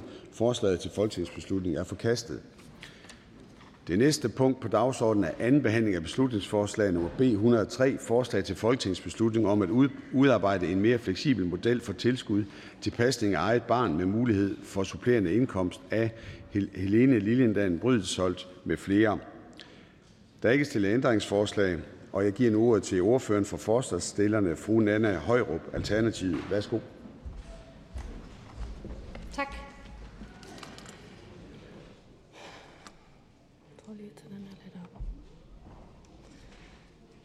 Vi har et kæmpe problem med kvaliteten i mange af vores dagtilbud. Og med det fokus på arbejdskraft fra flertallet herinde, så forstår jeg slet ikke, at man ikke gør mere. For uden dagtilbud af høj kvalitet, så har vi ikke et arbejdsmarked som i dag. For når børn ikke trives, så går forældre i hvert fald ikke mere på arbejde. Hver femte er allerede gået ned i tid, og det forstår jeg godt. Jeg er stedfortræder i to måneder, og ja, det var nok optimistisk at tro, at jeg kunne lykkes med at få vedtaget et beslutningsforslag. Men hvor havde jeg dog håbet på, at det var lykkedes, for så kunne der komme lidt mere ro i maven, eksempelvis i forhold til, hvordan man herinde varetager små børns trivsel. For den er udfordret. Den er udfordret arbejdsmarkedets indretning og kvaliteten i vores vuggestuer. Som vuggestuepædagog, der vidste jeg det godt, før jeg så den nye kvalitetsrapport. Den viser, at op imod 90 procent har udfordringer med at leve op til dagtilbudsloven. Er det ikke et offentligt omsorgssvigt? At vi i Alternativet foreslår regeringen at udvikle på den eksisterende model for pasning af eget barn, så det bliver muligt at have en indtægt ved siden af. Det er et forsøg på at gøre den mere tidsvarende, både i forhold til børns behov for tryg tilknytning og forældres stigende ønske om mere tid med dem. Det kunne også fremme en mere lige ordning, ligestillingsmæssigt og socialt. Så kunne for eksempel den enlige mor tjene lidt penge ved siden af, og flere kunne fastholde tilknytning til arbejdsmarkedet og optjene pension. Og ja, det kunne også være en løsning i forhold til kvaliteten i vores vuggestuer, hvis vi lettede presset på dem ved at lade børnetallet falde lidt. Små børn er de mest ressourcekrævende og sårbare. Og er det egentlig deres behov eller arbejdsmarkedet, at de kommer i vuggestuer 10 måneder gamle? Jeg vil mene, at for de mindste, der er det det sidste. Og ja, der kan være en bagside i forhold til økonomien i, for, i vores daginstitutioner. Men det er der råd for. Vi kan jo eksempelvis lade være med at have så stram en budgetlov og servicelofter og lave nye økonomiaftaler med KL, som flere kommuner allerede siger ikke rækker.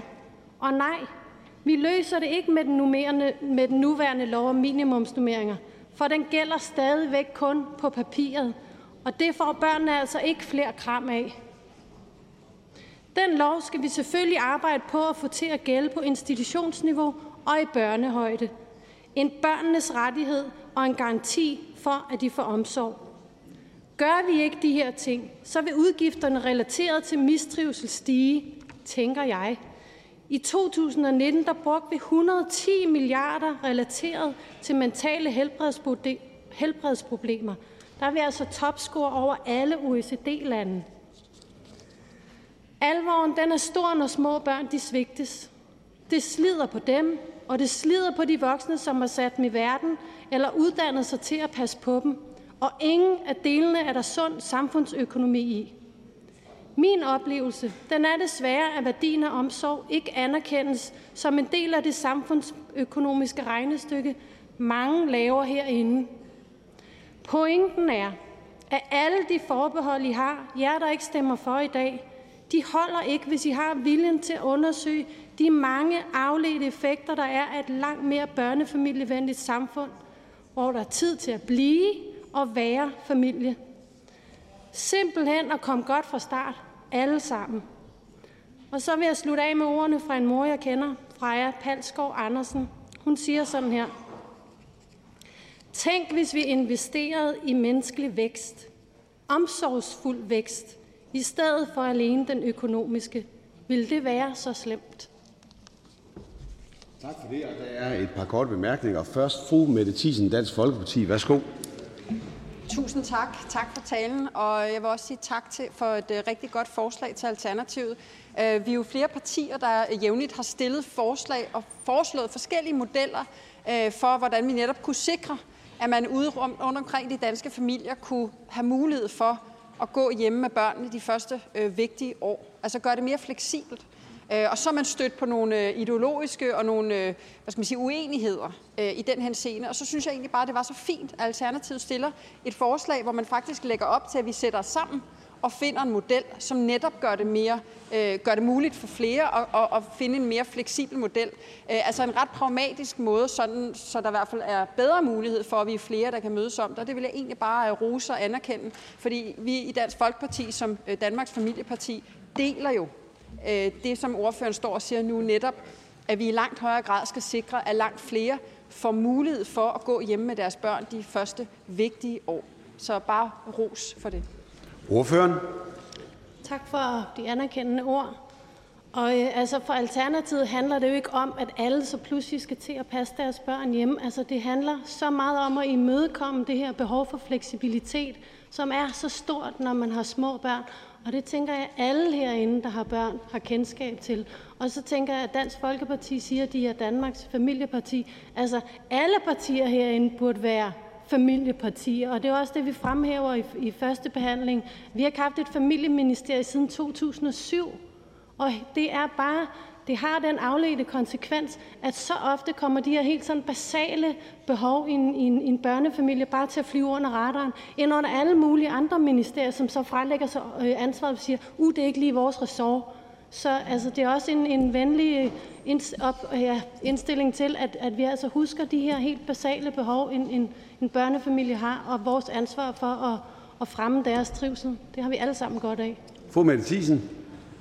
Jamen, det er jeg sådan set meget enig i, øh, og, øh, og det burde langt flere partier øh, prioritere lige så højt som, som vi i hvert fald også gør i Dansk Folkeparti. Så det var egentlig bare ros øh, til Alternativet for det her forslag. Jeg synes, det er et godt forslag. Jeg er meget enig i, at der burde være et familieministerium. Øh, og øh, nu må vi jo se, om, om det kommer øh, på et tidspunkt. Øh, for mit vedkommende forhåbentlig med en, med en borgerlig regering. Tak. Ordføreren? Ja, jeg vil så nødig øh, kaste nogen ud imod hinanden, fordi jeg synes netop, det er så vigtigt, og her der fjerner vi alt, hvad der hedder blå og rød, og så fokuserer vi på, hvad er det, børnene har brug for med deres forældre, hvad, hvad, hvad er det, vi som samfund har brug for. Så, så jeg, vil, jeg vil holde fast i, at vi, vi lægger os lige her, hvor at, at det her det handler ikke om øh, blå eller rød, det handler om, at øh, vi, vi sætter familiens trivsel højt alle sammen. Fru Charlotte Broman Mølbæk, Socialistisk Folkeparti. Værsgo.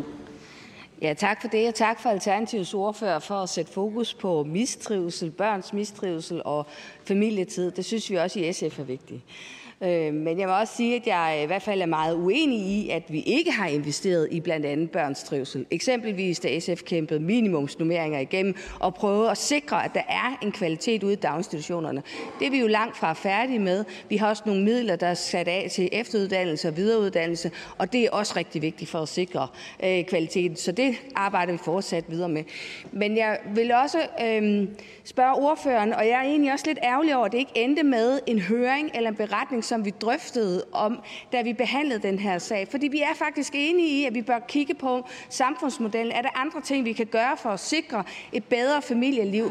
At man ikke er enig i den her model, betyder jo ikke, at man som parti ikke er enig i, at det her lige præcis er rigtig vigtigt, at vi tager os af. Og derfor havde vi også ønsket, at der var et fortsat rettet arbejde, vi kunne samles om øh, bredt i Folketingets partier, så vi kunne øh, gå videre med det gode initiativ. Ordføreren? Ja, altså nu var vi jo øh, fire, fem partier, der lavede aftalen om minimumsnummeringer, og, og vi har alle sammen bidraget til, at vi i det mindste er kommet så langt. Og som jeg også siger i min tale, så når den jo ikke ud på stuerne, selvom at der er mange, der gerne vil ophøje den til, at øh, så er vi klar med nummeringerne, så kan vi gå videre til kvaliteten. Altså, nummeringer er forudsætning for at arbejde med kvalitet. Og i forhold til høringen, Selvfølgelig kan vi lave en høring, men lige nu og her kunne vi rent faktisk gøre noget i forhold til de eksisterende løsninger, vi har, og sætte dem i spil. Små børns hver dag i et lille barns liv tæller. Altså, det, altså så, så kan vi lave høringer, hvor vi taler om ting, der er langsigtet. Det er vi helt med på. Det, det forestiller jeg mig, at Helene, når hun kommer tilbage, vores øh, ordfører, som jeg er stedfortræder for, helt sikkert vil være med til at samarbejde omkring. Men jeg forstår bare ikke, hvorfor man er imod det her med at gøre den her nuværende ordning mere fleksibel, også i forhold til de ting, som jeg har øh, læst SF og Enhedslisten har skrevet i beretningen. Fru Charlotte Broman Mølbæk. Jo, men det handler jo om, at vi grundlæggende ikke er for lige præcis den her model, og derfor vil vi rigtig gerne samarbejde omkring, hvordan vi kan skabe en anden form model, som flere kan få brug af og gavn af. Eksempelvis er der rigtig stor ulighed i forhold til, hvem der har råd til at blive hjemme og passe sine børn. Så det er ulighedsskabende, hvis vi bliver ved med at tage den slags modeller, der beror sig på den enkelte økonomi. Så det ville bare have været så godt, hvis vi havde brugt det her afsat til, og netop at vi sammen satte fremadrettet og arbejde på, hvordan vi kan sikre mere ro og mere øh, kvalitet, også omkring de små børns trivsel og familiernes trivsel. Ordføreren? Ja, men det er lige præcis det, du, det ordføreren siger omkring øh, uligheden, som vi forsøger med det her beslutningsforslag i dag at gøre op med, hvor netop jeg har været i så mange dialoger med lige præcis dem, den her ordning den gælder, som siger, kunne vi bare have en indkomst ved siden af, så kunne vi godt få det til at løbe rundt. Der er også nogen lige nu, som er enlige, som får det til at løbe rundt. Men selvfølgelig vil det gøre en forskel på dem, at de alt efter, hvad der passer ind i deres liv, kunne have en supplerende indtægt ved siden af. Så vil det netop gøre den ordning mere lige for alle. Det har vi også forsøgt at argumentere for i beslutningsforslaget. Tak for det, og der er ikke flere korte bemærkninger, så vi siger tak til ordføreren for forslagsstillerne, fru Nana Højrup. Alternativet ønsker flere at udtale sig. Da det ikke er tilfældet, går vi til afstemning. og Der stemmes om forslagets endelige vedtagelse. Afstemningen starter.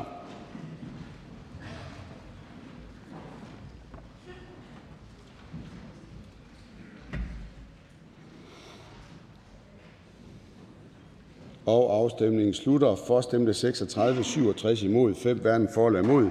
Forslaget til folketingsbeslutning er forkastet. Det næste punkt på dagsordenen er: anden behandling af beslutningsforslag nummer B 115: Forslag til folketingsbeslutning om en akutpakke til erhvervsskolerne og genopretning af erhvervsskolernes økonomi. Af Mai Villadsen med flere. Der er ikke stillet ændringsforslag. Ønsker nogen at udtale sig? Da det ikke er tilfældet, går vi til afstemning. og Der stemmes om forslagets endelige vedtagelse, og afstemningen starter.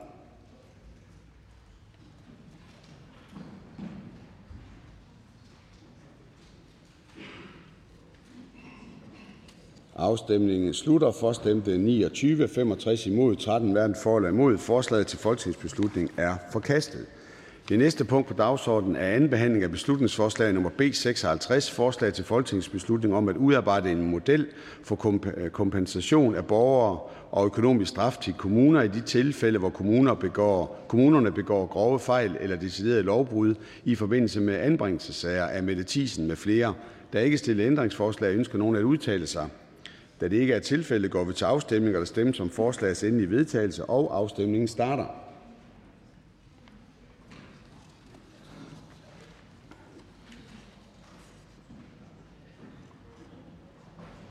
Og afstemningen slutter. For stemte 26, 82 imod, ingen hverken for eller imod. Forslaget til folketingsbeslutning er forkastet. Det næste punkt på dagsordenen er: anden behandling af beslutningsforslag nummer B 57: Forslag til folketingsbeslutning om hjælp frem for straf til stofbrugere. Af Teresa Berg Andersen med flere. Der er ikke stillet ændringsforslag. Ønsker nogen at udtale sig? Da det ikke er tilfældet, går vi til afstemning. og Der stemmes om forslagets endelige vedtagelse. Afstemningen starter.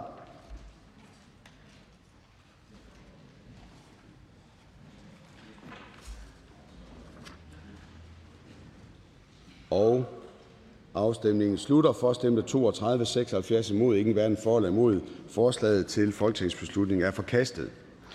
Det næste punkt på dagsordenen er: anden behandling af beslutningsforslag nummer B 81: Forslag til folketingsbeslutning om en bodsordning for kommuner, der ikke overholder deres øh, lovgivningsmæssige forpligtelser.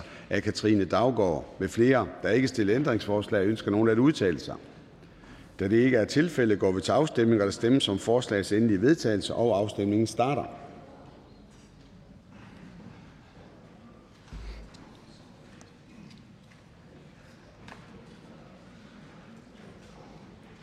Afstemningen slutter. For stemte 26, 82 imod, ingen hverken for eller imod. Forslaget til folketingsbeslutning er forkastet.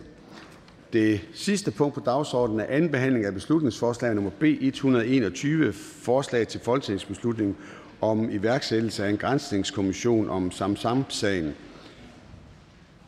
Øhm, der er ikke øh, der er ikke stillet ændringsforslag. Ønsker nogen at udtale sig? Det gør hr. Peter Velblund fra Enhedslisten. Værsgo. Tak for det, formand. Det her bliver jo ofte betragtet som, eller betegnet som Samsam-sagen, og det er også fuldstændig rigtigt. Det handler om Ahmed Samsam.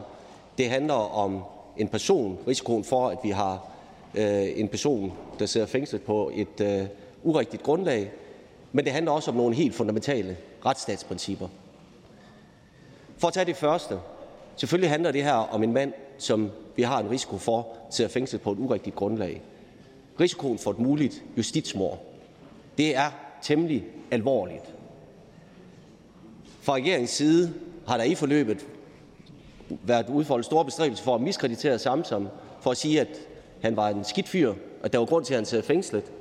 Og det skal jeg slet ikke afvise. Det her det handler ikke om, hvorvidt Samsam er en skidt fyr. Det her det handler om, at jeg til hver en tid vil forsvare Samsams ret til at få en retfærdig retssag, og at de oplysninger, der er tilgængelige, som har betydning for sagen, de også bliver øh, gjort tilgængelige netop af danske myndigheder. Og det er jo det, der er den store udfordring i den her sag, at det ikke er sket. Og det er jo det, der bringer os til det andet, at det her det handler også om nogle fuldstændig fundamentale retsstatsprincipper. Det handler nemlig om, at vi som borgere kan have en sikkerhed for, at hvis myndigheder lægger ind med oplysninger, som har betydning for en sag, en sag, hvor myndigheder har et ansvar for, at der ikke sker et, øh, et potentielt justitsmord, ja, så har de myndigheder naturligvis en forpligtelse til at bringe de oplysninger for dagen. Det handler naturligvis også om, at hvis man som borger bliver fængslet i udlandet ja, så bidrager danske myndigheder med den viden, man har. Og det har vi bare ikke i det her forløb fået en sikkerhed for, at det har danske myndigheder bidraget til. Og derfor så risikerer vi lige nu, at en mand sidder fængslet på et urigtigt grundlag, uden at danske myndigheder har udnyttet de muligheder, de har for at oplyse sagen. Og det er bare et fuldstændigt fundamentalt problem i en retsstat. Og derfor undrer det mig, at regeringen ikke har udvist villighed til at lade den her sag undersøge, fordi selvfølgelig er der elementer i den her sag, som skal behandles i fortrolighed. Det her det handler om efterretningstjenesternes mulighed for at kunne arbejde. Det handler om deres mulighed for at kunne hyre øh, agenter.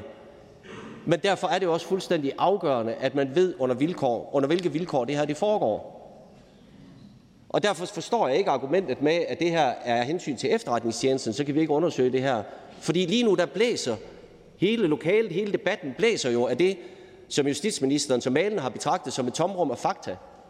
Og det tomrum det bare vokser og vokser og vokser, fordi vi ikke kan få de oplysninger, som alle øh, spørgsmålene øh, afstedkommer vi, vi, øh, et, et krav om, at vi får et svar på. Og det er jo det, der er det fundamentale problem i den her sag. Det er, at lige nu er der en lang række spørgsmål, der blæser i luften, som vi ikke kan få svar på. Var der et samarbejde mellem PET øh, og FE og Samsam? Altså, vi kan i hvert fald øh, erkende, det ved vi, at der var et samarbejde, der har været møder, jeg tror op til 13 møder, mellem Samsams advokat og Forsvarets efterretningstjeneste og politiets efterretningstjeneste. Vi ved også, at der har været øh, personer fra myndigheder inde i Emmermark-fængslet afleveret kontantbeløb til Samsam. Vi ved, at hr. Claus Hjort Frederiksen tidligere har betegnet det som et abekastningsspil, der foregik mellem FE og PET om, hvem der havde ansvaret for Samsam. Vi har set, at Carsten Dybvad og Michael Lund, to tidligere departementschefer, har opfordret til, at den her sag skal undersøges. Altså, årsagerne til, at man skulle lave en undersøgelse, de tårner sig op. Og alligevel så afviser man fortsat fra et flertal og i gang sætte den her undersøgelse, som selvfølgelig kan sikres, også der hensyn til efterretningstjenestens mulighed for at kunne arbejde efterfølgende. Jeg synes også, det forløb, der har været, har været temmelig besynderligt. Vi har jo indført et nyt redskab i Folketinget, et, øh, et grænsningsudvalg, hvor vi har muligheden for at iværksætte både forundersøgelser og også grænsningskommissioner. Og der er jo trods alt sikret en vis form for mindretalsbeskyttelse i dem, i og med at 40 mandater kan iværksætte en forundersøgelse af en sag. Det har man så gjort her, fordi man synes, det er en alvorlig sag fra mindretallets side. Vi har så gennemgået en, en forundersøgelse. Efter mindretallets opfattelse har vi overhovedet ikke fået svar på de spørgsmål, der er blevet stillet. Altså spørgsmålet om, i hvilket omfang øh, danske myndigheder har bidraget til, til at oplyse retssagen i, øh, i Spanien. De spørgsmål er der ikke blevet givet svar på. Og derfor er det så stadigvæk muligheden for, at et mindretal kan i gang sætte en decideret grænsningskommission, altså en mulighed at styrke Folketingets mulighed for at kunne kontrollere regeringen på. Der kunne et flertal jo så vælge at sige, vi er ikke enige i, at den her undersøgelse skal iværksættes, men fair nok, der er et stort mindretal, som har et ønske om det, så lad os da gøre det. Men i det her tilfælde, der har regeringen decideret modsat sig, at den her undersøgelse bliver i gang sat. Og igen bidrager det jo bare til det store tomrum af fakta i den her sag. Hvorfor modsætte sig en undersøgelse, når der er et stort ønske fra et stort mindretal om at igangsætte den? Så derfor så synes jeg, at det, når vi stemmer her om lidt, nu håber jeg selvfølgelig, at regeringspartierne og i øvrigt også Dansk Folkeparti stemmer for, så vi kan få den her undersøgelse. Men ellers så synes jeg, at det her det bliver til en skamplet på retsstaten, at vi ikke får i gang sat den her undersøgelse, for vi kan afklare de her spørgsmål. Og så vil jeg gerne lige afslutningsvis også opfordre Dansk Folkeparti til at give til kende, hvorfor de har ændret holdning i det her forløb. For det var jo sådan, at Dansk Folkeparti var en del af det store mindretal, som ønskede en forundersøgelse af den her sag. Alle øvrige partier, der har deltaget i forundersøgelsen, har tilkendegivet, at der på ingen måde er blevet svaret fyldesgørende på de spørgsmål, der er blevet rejst. Men den erkendelse er Dansk Folkeparti så kommet til, at der er blevet givet klare svar. Dansk Folkeparti har bare undladt at forklare det, både over for Grænsningsudvalget, og også da vi havde første behandling i salen øh, her i, øh, i tirsdags, øh, om hvorfor det er, at Dansk Folkeparti har skiftet holdning i forhold til det her. Hvorfor de pludselig føler sig oplyst om, at øh, der ikke er noget, nogen grund til at undersøge den her sag. Og det synes jeg egentlig vil klæde Dansk Folkeparti, hvis de lige vil tilkendegive, øh, hvorfor det er, de har ændret holdning i forhold til det her. Fordi det her jo ikke kun handler om Samsam. Jeg skal ikke forsvare Samsam, men jeg skal forsvare hans ret til en retfærdig rettergang. Det handler grundlæggende om retsstatsprincipper, og de gælder jo trods alt for os alle sammen, og de gælder også for os, når vi går ud af det her Folketing. Så en opfordring til Dansk Folkeparti til lige at tilkendegive, hvorfor de har ændret holdning i forhold til det her, og så en klar opfordring til resten af Folketinget til at stemme for, at vi får en grænsningsundersøgelse af den her sag, fordi spørgsmålene går ikke væk ved, at I stemmer nej om lidt. De vil stadigvæk stå ubesvaret tilbage, og det kan vi simpelthen ikke forsvare over for hverken befolkningen, over for Samsam eller over for retsstaten. Tak for det. Der er ingen korte bemærkninger, så vi siger tak til hr. Peter Velblund fra Enhedslisten. Er der andre, der ønsker at udtale sig? Da det ikke er tilfældet, går vi til afstemning, og der stemmes som forslagets endelige vedtagelse, og afstemningen starter.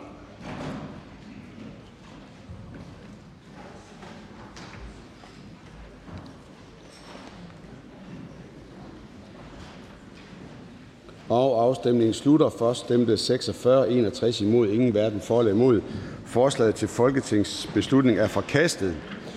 Og med det så nåede vi til vejs ende med dagsordenen for det sidste møde i Folketingssalen inden sommerpausen. Det har været nogle hektiske måneder med mange lov- og beslutningsforslag, og på grund af folketingsvalget, ja, så kom vi senere i gang end normalt, senere i gang med folketingsarbejdet her i den nye samling, men vi nåede alligevel i mål med en fælles indsats, og det betyder, at vi øh, kan fejre øh, grundlovsdagen på mandag, velvidende, at vi har gjort vores øh, arbejde i tinget færdigt i dag. Efter folketingsvalget sidste år der blev 114 folketingsmedlemmer genvalgt til Folketinget. 65 nye kom ind, 65 nye kollegaer. 13 var ikke helt nye, mig tæt inklusiv. Vi havde tidligere siddet i Folketinget, enten som ordinært medlem eller som stedfortræder. Antallet af valgte kvinder Kvindelige medlemmer stod rekord med 78. Den hidtidige rekord den blev sat i 2011 med 70 kvinder i på tinge og gentaget i 2019. Folketinget fik også flere partier ind end ved tidligere valg. For første gang ved folketingsvalg så blev 12 partier valgt ind, og den tidligere rekord den var på 11 partier, og den stammer tilbage fra 1977. Jeg vil benytte lejligheden til at takke alle medlemmer for et godt og konstruktivt samarbejde, både her i salen og i vores udvalg. Jeg har forløbig nået at tale med de fleste af vores nyvalgte kollegaer for at få et indtryk af, hvordan de er faldet til, og hvordan de oplever arbejdet som folkevalgt. Det kommer man bedst med at tale med de nye, for de gamle de siger bare, at vi gør, som vi plejer. De samtaler dem vil jeg rigtig gerne takke for. Gennem disse samtaler, og selvfølgelig gennem mine møder med gruppeformændene, ja, der har jeg fået inspiration til, hvad vi sammen kan gøre bedre. For det er jo efterhånden klart for os alle sammen, og det var også min forgænger, der ligesom lagde sporene til det. Vi har nogle udfordringer med blandt andet hastigheden i beslutningsprocesserne og medlemmerne vores arbejdsbyrde. Overbelastning og stress det kan have mange forskellige årsager, øh, men vi skal jo gøre, hvad vi sammen kan for at tilrettelægge arbejdet herinde på måder, så vi undgår, at vi som medlemmer bliver presset ud over kanten. Og jeg kan fortælle jer, at jeg på den anden side af sommerpausen, der vil jeg vende tilbage med nogle af mine idéer og overvejelser, så kan vi sammen drøfte, og det gælder selvfølgelig også i præsidiet, hvordan vi kommer videre.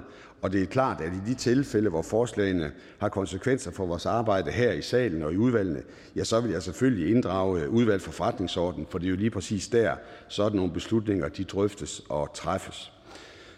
For mit eget vedkommende vil jeg takke for valget til formand for Folketinget. Tak for den tillid, jeg har vist mig. Og som jeg sagde, da jeg tiltrådte, tillid er en skrøbelig størrelse, som man hele tiden skal gøre sig fortjent til. Det er jeg opmærksom på, og jeg håber, at jeg kunne leve op til jeres forventninger. Så har vi inde og kigge på øh, de kommende måneder, øh, så, øh, hvad hedder det, hvordan vejret bliver.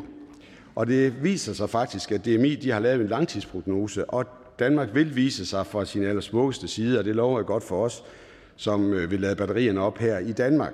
Ifølge DMI så ser sommeren som helhed ud til at blive varmere, tørre og mere solrig end normal, dog med mulighed for regn og tordenbyer. Og det lyder næsten som noget, vi har hørt før, en politisk helgardering.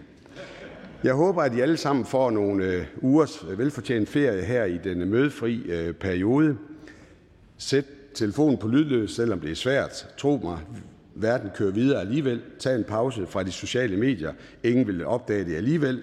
Giv jer selv mulighed for at lade batterierne op sammen med jeres venner og familie. Det vil jeg selv bestræbe mig på. Og så vil jeg slutte af med at ønske jer en rigtig god sommer og sige, at der ikke er mere at foretage i dette møde. Og det næste møde forventes afholdt torsdag den 7. september 2023 kl. 9. Og skulle det blive nødvendigt at indkalde Folketinget til yderligere møder, ja, så vil meddelelse om tidspunkt og dagsorden blive, øh, blive tilstilet jer, øh, mine kollegaer, skriftligt. Mødet er hævet.